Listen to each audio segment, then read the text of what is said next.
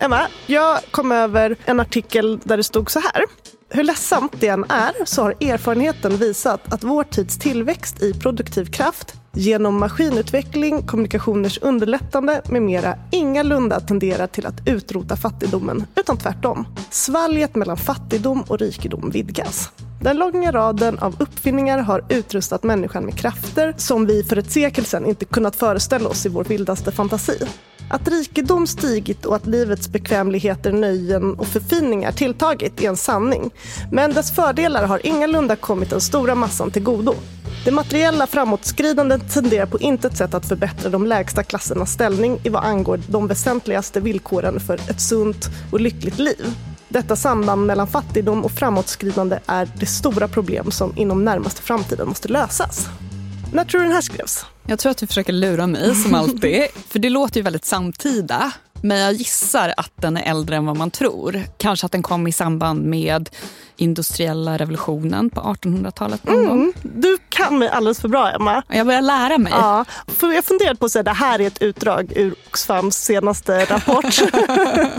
Men då tänkte jag att då kommer folk stänga av innan jag hinner säga att det är en 139 år gammal text. Men jag var tvungen att ändra några små ord här och där så att det inte skulle vara för uppenbart att den var från 1885. Och den här meningen. Med krafter varom den järvaste inbildning för ett sekel tillbaka knappt skulle hava kunnat drömma. Ja, men det känns som det har hänt mer med språket än våra tankar om samtiden. Du lyssnar på A-kursen i ekonomisk ojämlikhet med mig, Clara Wallin. Och med mig, Emma Frans. I januari så släppte ju Oxfam en väldigt uppmärksammad rapport där de hävdade att den ekonomiska ojämlikheten ökar och att de rika får det otroligt mycket bättre och de fattiga det är otroligt mycket sämre. Och den här rapporten har faktiskt fått en hel del kritik. Inte minst för att det råder delade meningar om vad som egentligen definieras som ojämlikhet. Och de fem rikaste i Sverige äger mer än vad fem miljoner svenskar äger tillsammans. Det är ju smått ofattbart. Hur har vi hamnat här? Det här är ju ett politiskt misslyckande och ett symptom på att vi har ett trasigt ekonomiskt system. Så vi behöver systemförändrande åtgärder för att komma åt det här.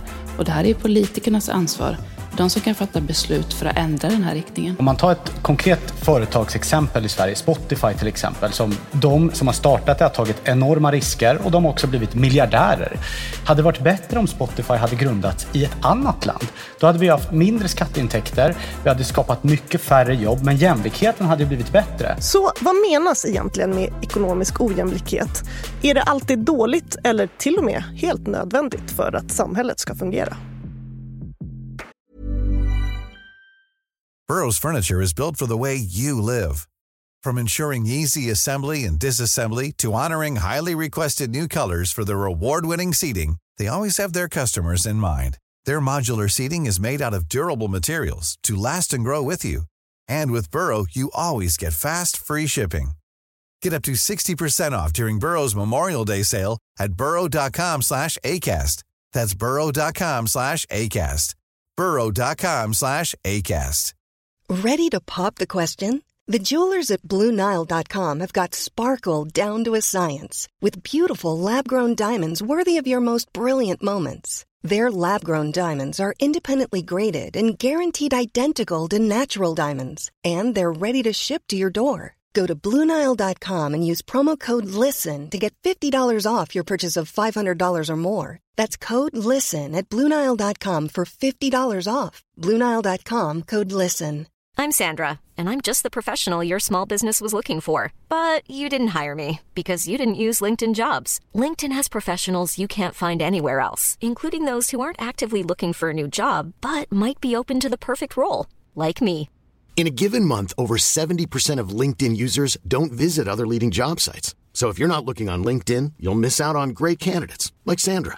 Start hiring professionals like a professional. Post your free job on linkedin.com/people today.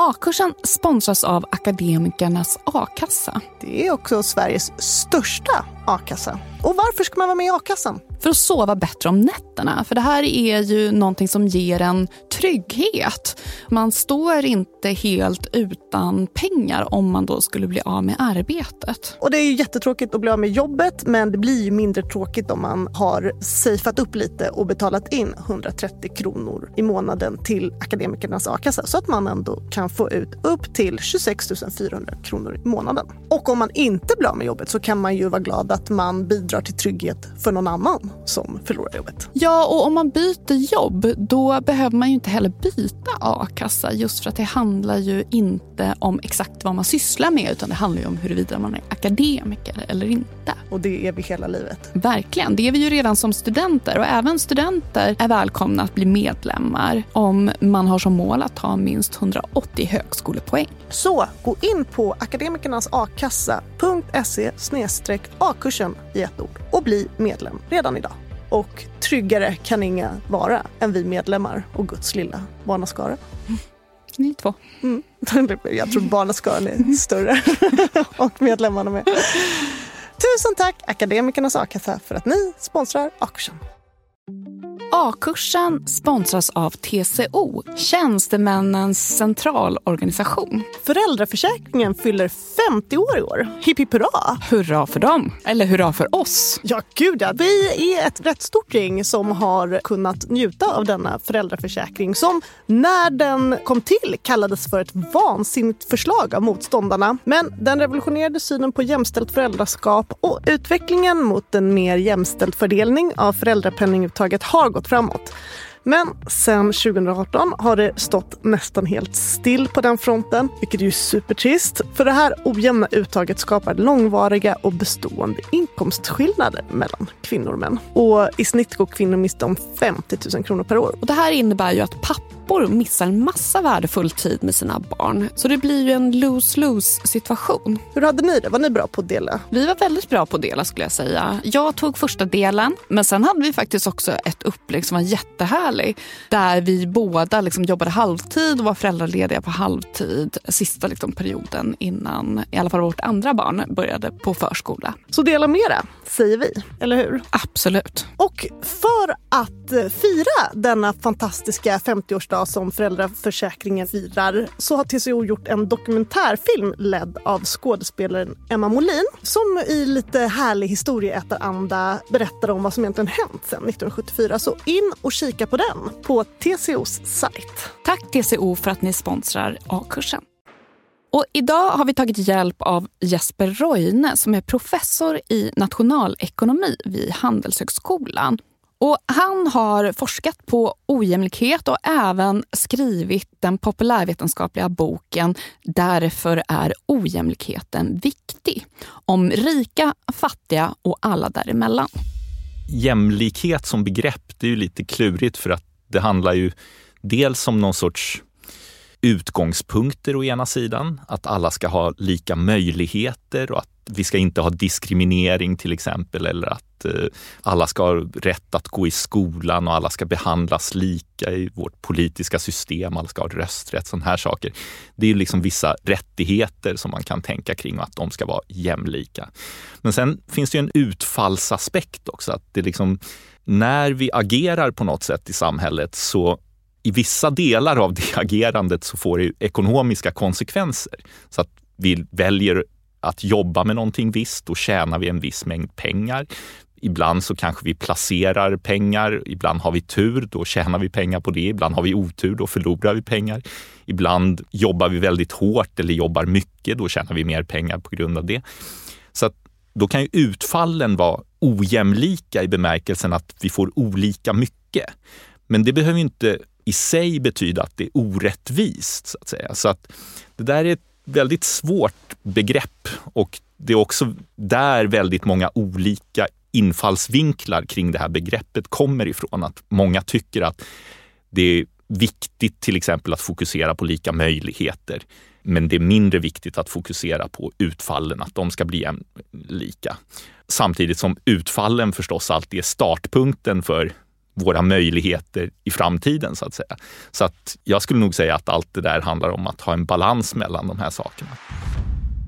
Det var alltså i januari som välgörenhetsorganisationen Oxfam kom med sin nya rapport Inequality Inc. med underrubriken Hur företagsmakt söndrar vår värld och behovet av en ny era av offentliga åtgärder. Och så här sammanfattar Oxfam rapporten på sin egen Facebook-sida. Sen 2020 har världens fem rikaste män fördubblat sina förmögenheter samtidigt som fem miljarder människor blivit fattigare. Det är väl typ Elon Musk och Bezos och gänget. Rymdgubbarna. Sen 2020 har 99 procent av Sveriges befolkning blivit fattigare samtidigt som de tre rikaste svenskarna ökat sina förmögenheter med 29 procent. Av företagens extraordinära vinster 2021 och 2022 har 82 gått till redan rika aktieägare samtidigt som 800 miljoner arbetares reallöner sänkts. Och sen säger Oxfam, det måste inte vara så här. Ojämlikhet är ett resultat av politiska beslut och politikerna har makten och ansvaret att skapa en jämlik framtid för alla. Oxfam vill se beskattning av de rikaste individerna, en jämnare fördelning av företagsvinster och förbättrad statistik över ojämlikheten. Men den här Oxfam-rapporten fick ju väldigt mycket kritik och Mattias Svensson på Svenska Dagbladet skriver Istället för att åka runt till fattiga länder och hjälpa utsatta människor med rent vatten och andra grundläggande behov ägnar organisationen sig numera åt att från sina kontor i den rika världen gnälla på miljardärer. Onekligen en bekvämare sits. Tycker du att man bör sträva efter ett ekonomiskt jämlikt samhälle? Ja, det tycker jag väl att man bör. Men det kräver ju förstås då ett svar på den här svåra frågan. Vad exakt är det? Och då kommer folk stoppa in väldigt olika saker i vad man menar med ett ekonomiskt jämlikt samhälle. Men jag tror att de flesta skulle ändå vara överens om att man kan sätta någon sorts gränser för det här. Att enormt stora skillnader till exempel är inte acceptabla för de flesta människor. Att, Av moraliska skäl eller? Ja, det finns både moraliska skäl men också politiska eller praktiska skäl. Alltså, man skulle kunna argumentera för att kraftig ojämlikhet är inte ens bra för, även om man skulle bara rent instrumentellt vara intresserad av att vi vill att ekonomin ska växa så mycket som möjligt, ja, då är det inte säkert att en maximal ojämlikhet är eftersträvansvärd. Eller jag skulle säga att det är nog ganska säkert att den inte är det, därför att ett extremt ojämlikt samhälle kommer sannolikt ha massa problem som gör att ekonomin helt enkelt inte funkar därför att massa andra grejer inte funkar. Så att, att hitta en balans här mellan det ekonomer kallar för incitament, alltså att det ska spela roll vad man gör. Så att på så sätt, det är liksom uppsidan med att ojämlikheter finns. Det är ju att det ska löna sig att jobba jämfört med att inte jobba till exempel det ska löna sig att ta risker eller att vara företagsam. Alla de där grejerna skulle de flesta skriva under på. att Jo, men det är bra att det finns de skillnaderna. Men därifrån till att säga att alla skillnader är försvarbara utifrån någon sorts effektivitetstänk, det är inte korrekt. Kan man se någon koppling där mellan liksom hur rikt ett land är och hur stora klyftorna inom landet är? Ja, det där är ju också en väldigt stor fråga som många har försökt svara på. Då, att är ojämlikhet bra eller dåligt för ekonomisk tillväxt? Och det finns också väldigt många olika synsätt kring det där, men konsensus är väl någonstans att nej, ojämlikhet, åtminstone stor ojämlikhet, är sannolikt inte bra för ekonomisk tillväxt.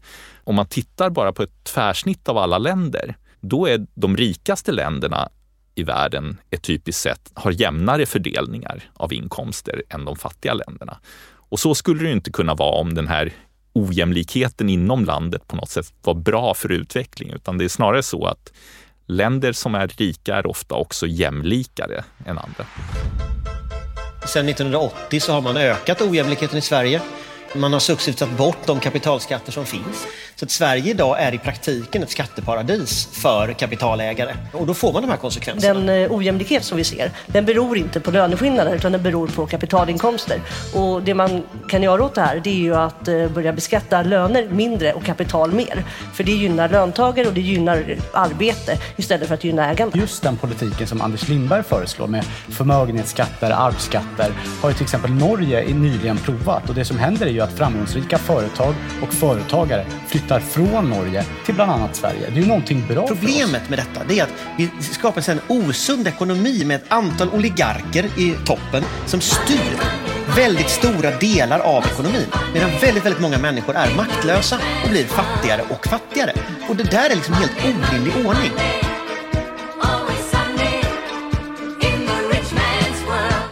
Den 25 september 2015 så antog FNs medlemsländer Agenda 2030 som innehåller 17 globala mål till år 2030. Och ett av de här målen är ju då att man ska utrota fattigdomen. Och under lång tid så har man kunnat se en väldigt tydlig positiv trend. År 1990 levde nästan två miljarder människor under den extrema fattigdomsgränsen. Och det är en gräns som har varierat, men det senaste som jag såg, då låg den här fattigdomsgränsen enligt Världsbanken strax över två dollar. Så det är kanske så här, under den gränsen kan man inte äta sig mätt? Exakt, det är på den nivån. Mm. Och år 2015 så var antalet färre än 700 miljoner, så det var en jättetydlig minskning där. Och den trenden den började avta omkring år 2020 och när covid-19-pandemin kom så ökade antalet som levde under den extrema fattigdomsgränsen i världen med 75 miljoner människor. Och det här berodde på pandemin, men också stigande kostnader för mat och energi efter Rysslands invasion av Ukraina. Även pågående konflikter och effekterna av klimatförändringar.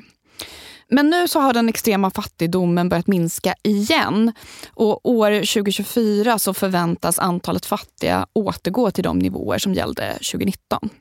Så det här är som sagt var en positiv trend och den är också värd att uppmärksamma när man pratar om de här ekonomiska ojämlikheterna i världen. Har den ekonomiska ojämlikheten i världen ökat de senaste decennierna? Nu kommer vi tillbaks till det där med vad menar vi med den frågan? Ja. Om vi struntar i var folk bor, utan vi radar upp alla. Vi tar liksom hela 8 miljarder personer från de fattigaste till de rikaste. Och så mäter vi så här stor är ojämlikheten mellan hela världens befolkning. Då har ojämlikheten gått ner. Mest därför att de i botten av den här fördelningen, de absolut fattiga, många av dem har fått det relativt sett bättre. De har liksom kommit över den där fattigdomströskeln. Många personer i Kina, Indien har sett sina inkomster öka en hel del. Så att med sådana konventionella mått så har ojämlikheten blivit lägre. Om vi däremot menar vad har hänt inom länder? Ja, då är det lite mer en blandad kompott där, därför att i många länder globalt sett så har inkomstskillnaderna inom länder ökat. Så att i Sverige till exempel så har inkomstskillnaderna ökat en hel del och det gäller i många västländer. Det gäller i Kina och i Indien. Så att om man där ska prata om vad har hänt? Ja, då är det å ena sidan en väldigt positiv förändring i att även de fattigaste har fått det mycket bättre. Men samtidigt så har skillnaderna inom de här samhällena också ökat. Och då beror det ju på hur man väger de där två sakerna mot varandra. Varför har då klyftorna inom länderna ökat? I västvärlden så är en av de populäraste teorierna att i och med teknisk förändring, i och med allting som har förändrats sedan 70-talet, 80-talet, som handlar om kommunikationsteknologi, internet, alla de här sakerna som har knutit ihop världen mer, gjort det enklare att göra saker digitalt, att flytta information mellan länder, att också distribuera saker. Allt i princip som du kan omforma till digitalt content kan du liksom skeppa utan några kostnader vart som helst i världen. Allt det där tillsammans med att mycket av de här teknologierna kräver ofta utbildning i högre utsträckning. Så här pratar man om att det som har hänt sedan 70-talet, det är att personer med högre utbildning har kunnat tillgodogöra sig möjligheterna som kommer med teknologi och globalisering i större utsträckning än personer som inte har högre utbildning. Och det där har skapat då en klyfta i princip mellan de med högre utbildning och de utan utbildning. Eller med lägre utbildning. Och den klyftan har ökat. Mest för att relativt sett så har alla de här teknologiförändringarna oproportionerligt mycket gynnat dem med högre utbildning. Så att säga. av samma anledning så kan man tänka sig att personer som är extremt framgångsrika inom vissa fält, deras marknad så att säga har också ökat jättemycket. Så att om du tidigare var fotbollsspelare eller om du var artist eller om du var en extremt duktig, inte vet jag, kirurg eller någonting. Så tidigare så var din marknad så att säga, området där du var bäst och kunde ta betalt därefter, det var ändå begränsat av att du på något sätt agerade i en nationell kontext eller det fanns gränser för det här. Men i takt med alla de här teknologiska förändringarna så blåses liksom den här marknaden upp enormt mycket inom alla möjliga fält. Och plötsligt så betyder det väldigt mycket att vara bäst inom en marknad därför att då har du hela världen som din potentiella kund så att säga. Och det där gäller ju också, ta spelbolag eller eh, för att ta då svenska exempel, liksom Minecraft. Om du kommer på Minecraft, om du kom på Minecraft för 40 år sedan, ja då hade du säkert kunnat göra någon sorts liten spelkonsol och det hade funnits. Men nu plötsligt så kan du väldigt, väldigt lätt distribuera det där till hela världen i princip.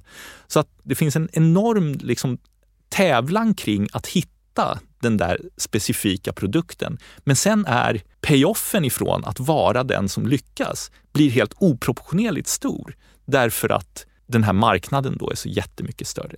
Så den här typen av förändringar som egentligen hänger ihop med en kombination av teknologi och någon viss typ av kunskap, det har förändrats väldigt mycket. Och där i letar man också då efter förklaringar till varför de här skillnaderna uppstår. Men stämmer det att ojämlikheten har ökat mer i Sverige än i andra jämförbara länder? Ja, det stämmer om man med mer menar hur stor har förändringen varit procentuellt?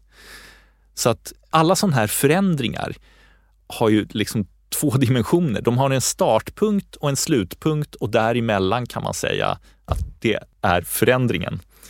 Det som var speciellt med Sverige och de andra nordiska länderna för 30 år sedan ungefär, det var att den ekonomiska ojämlikheten var betydligt lägre här än den var i de flesta andra länder. Och det betyder att när ojämlikheten i Sverige nu har gått upp ifrån den nivån där vi var, som var väldigt låg, till en nivå som är mer i linje med ett genomsnittligt europeiskt land, då är den förändringen väldigt stor. Den förändringen är i samma storleksordning ungefär som förändringen i USA. Så att på så sätt, i förändringstermer, så har Sverige förändrats lika mycket som USA. Men det betyder absolut inte att Sverige är lika ojämlikt som USA. Därför att USA var redan för 30 år sedan ungefär på den nivån där Sverige är idag.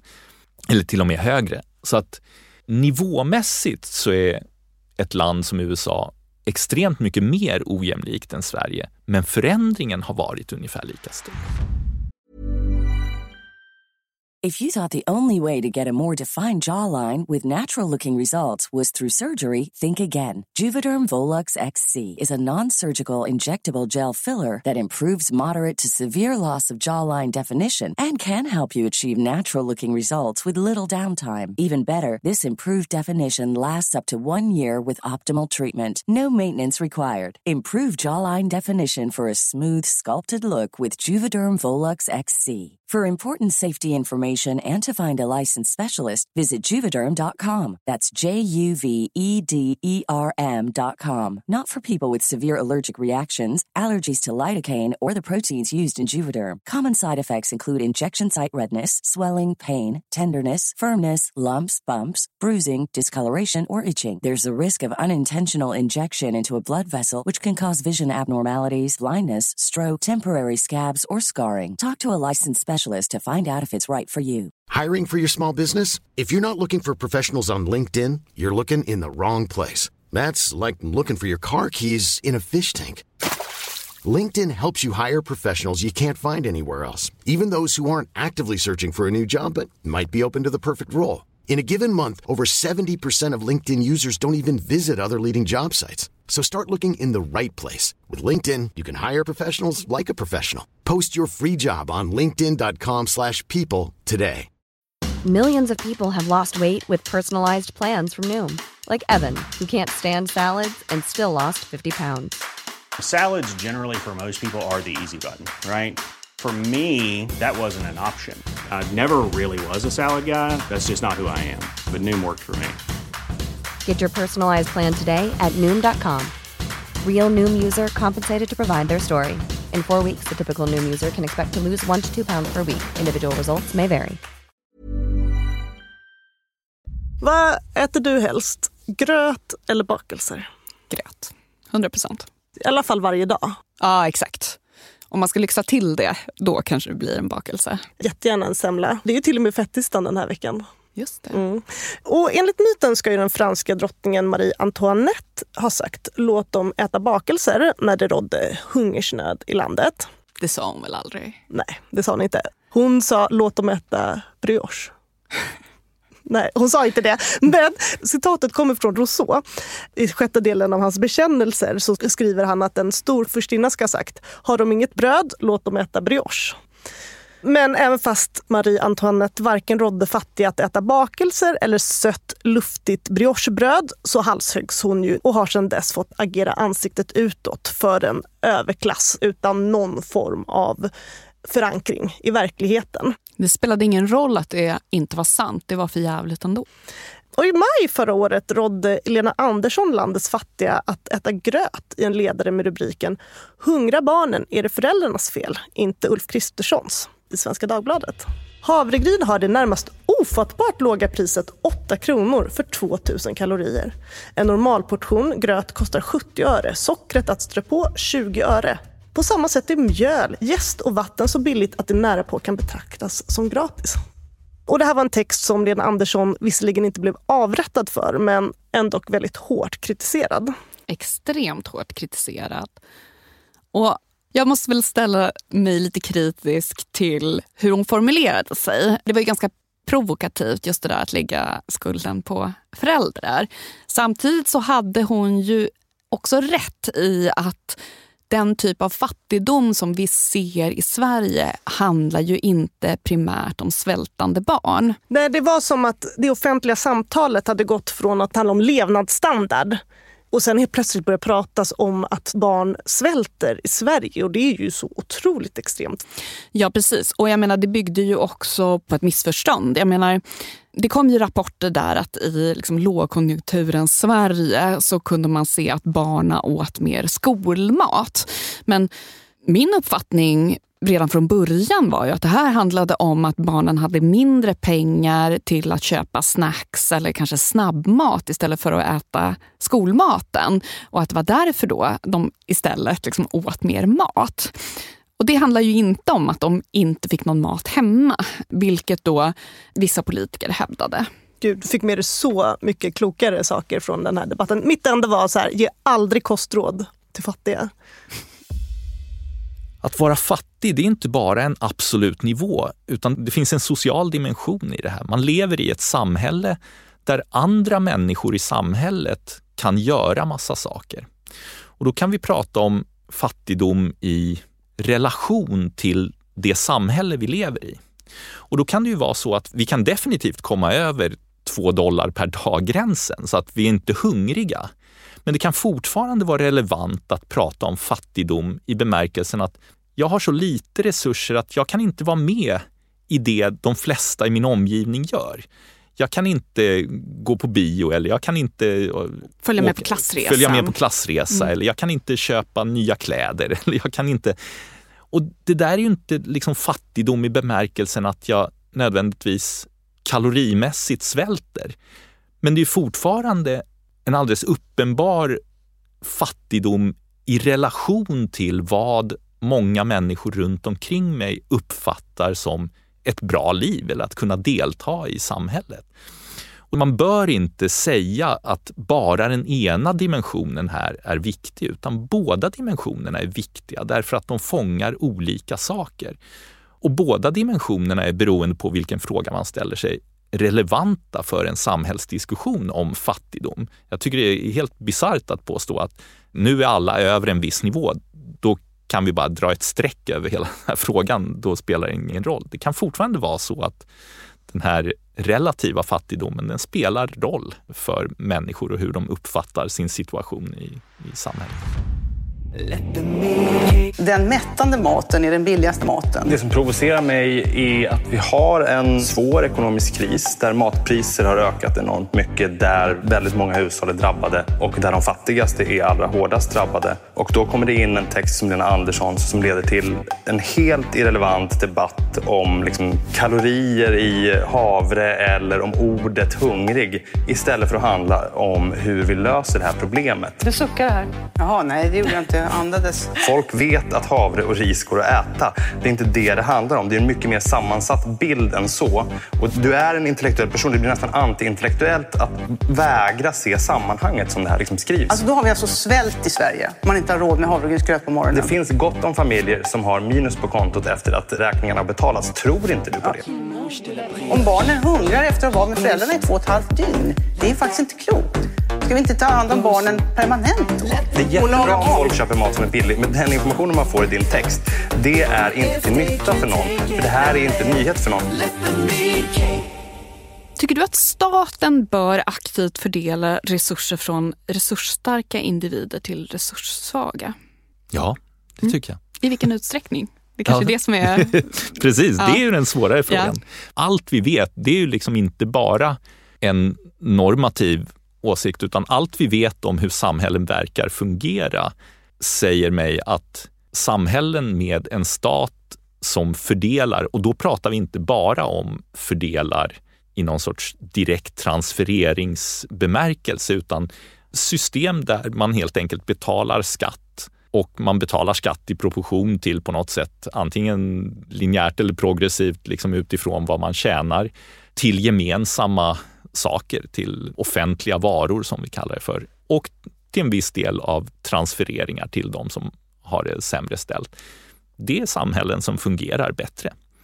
Sen kan vi diskutera var exakt ska den där gränsen dras? Och det är ju liksom den viktiga politiska diskussionen. Hur ska vi liksom balansera det här? Därför att det är alldeles uppenbart att det finns naturligtvis så kallade incitamentseffekter av att vi kan inte liksom ta ut hur mycket skatt som helst därför att då påverkar ju det folks vilja att utbilda sig, arbeta, att driva företag, alla de här sakerna.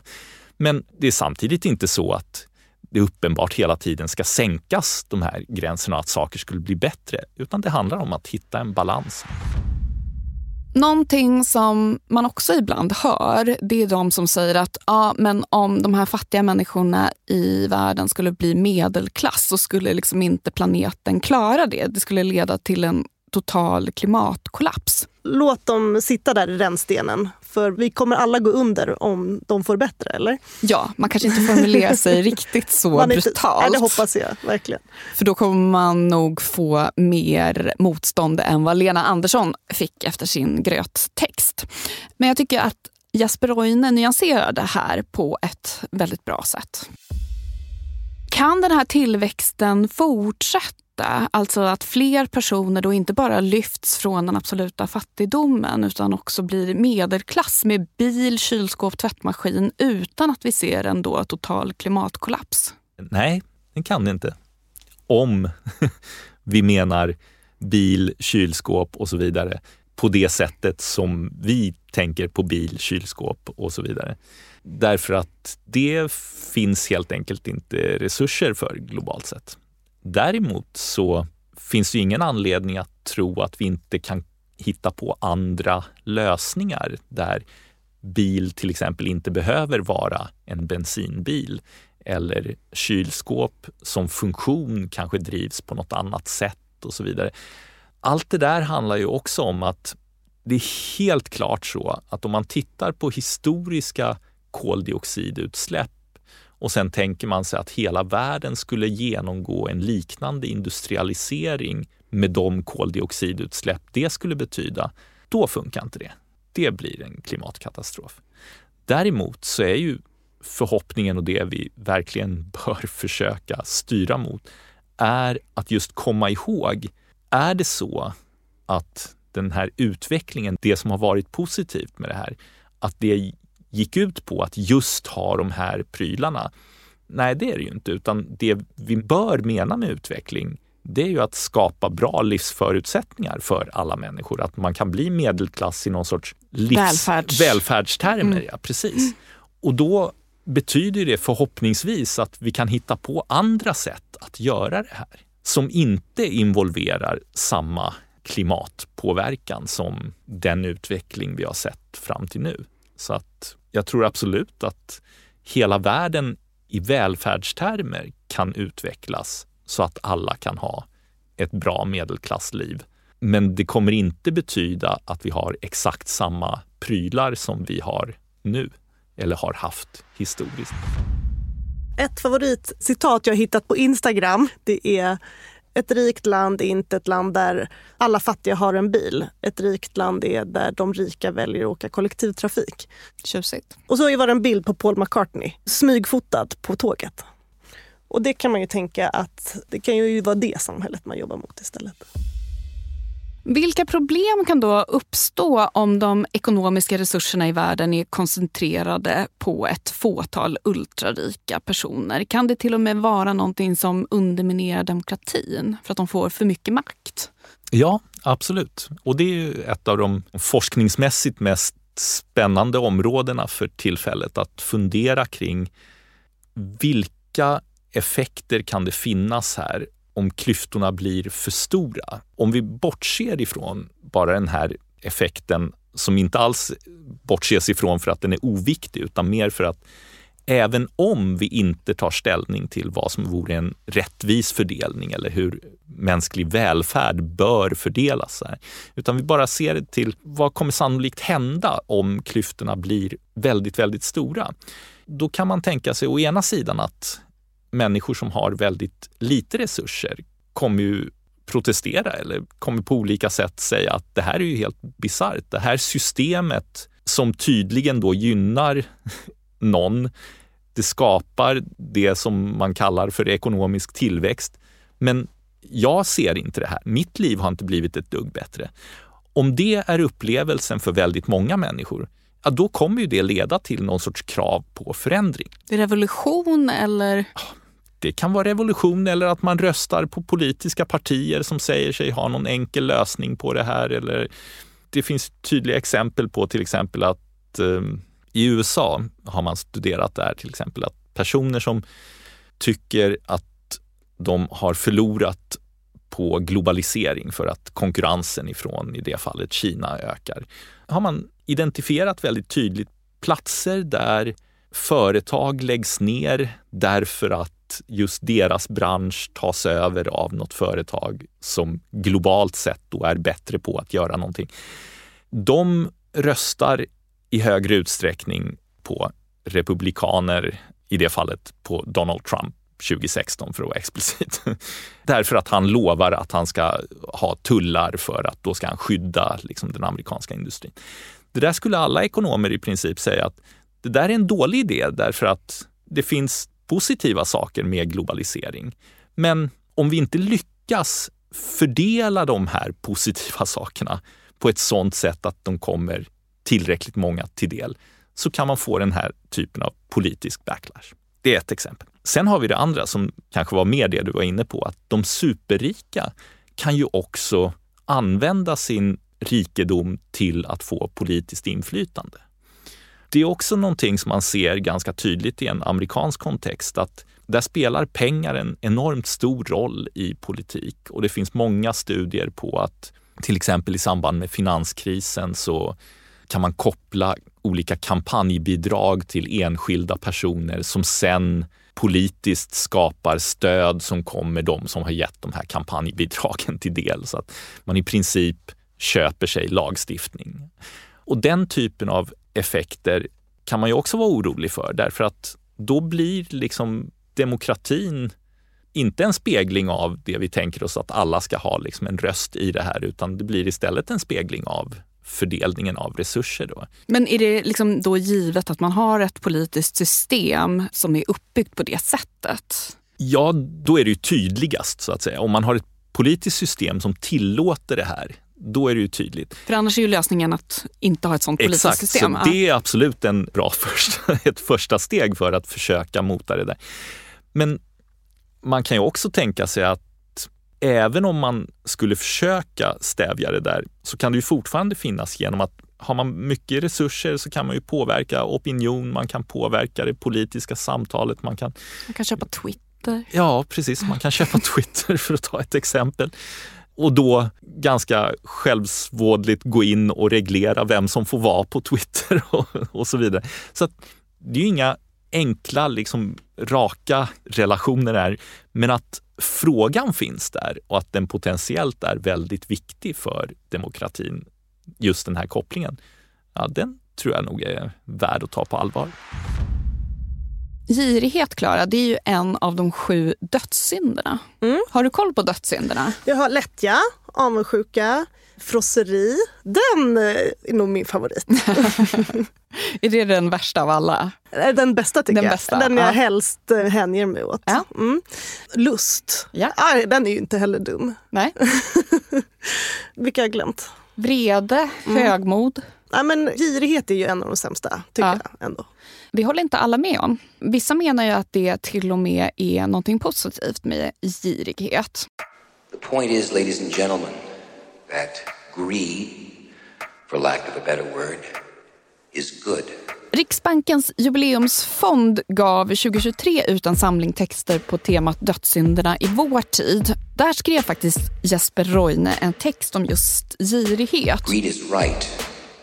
Greed works. Och han beskrev där hur synen på girighet har varierat genom historien och att denna dödssynd också setts som en dygd. Alltså en drivkraft som skapar mervärde för individen och samhället och någonting som faktiskt driver det kollektiva välståndet framåt. Greed clarifies, cuts through and captures the essence of the evolutionary spirit. Greed in all of its forms. Greed for life, for money,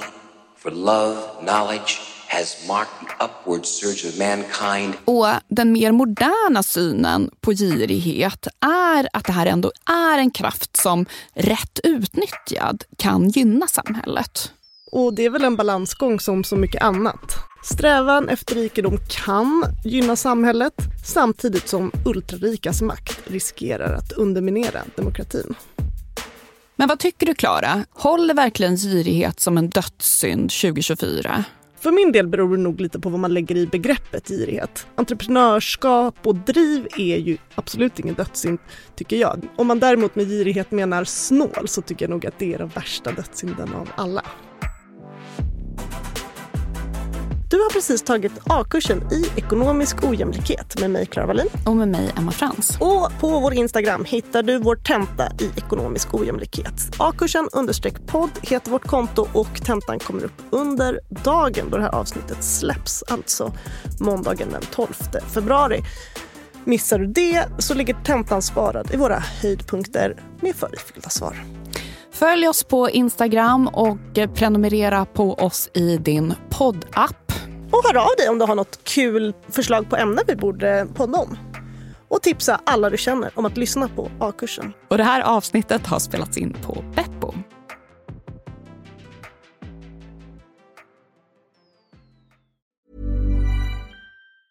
Hi, I'm Daniel, founder of Pretty Litter. Did you know cats tend to hide symptoms of sickness and pain? I learned this the hard way after losing my cat, Gingy. So I created Pretty Litter, a health monitoring litter that helps detect early signs of illness by changing colors, saving you money and potentially your cat's life. Pretty Litter is veterinarian developed, and it's the easiest way to keep tabs on your fur baby's health right at home. Go to prettylitter.com and use code ACAST for 20% off your first order and a free cat toy. Terms and conditions apply. See site for details.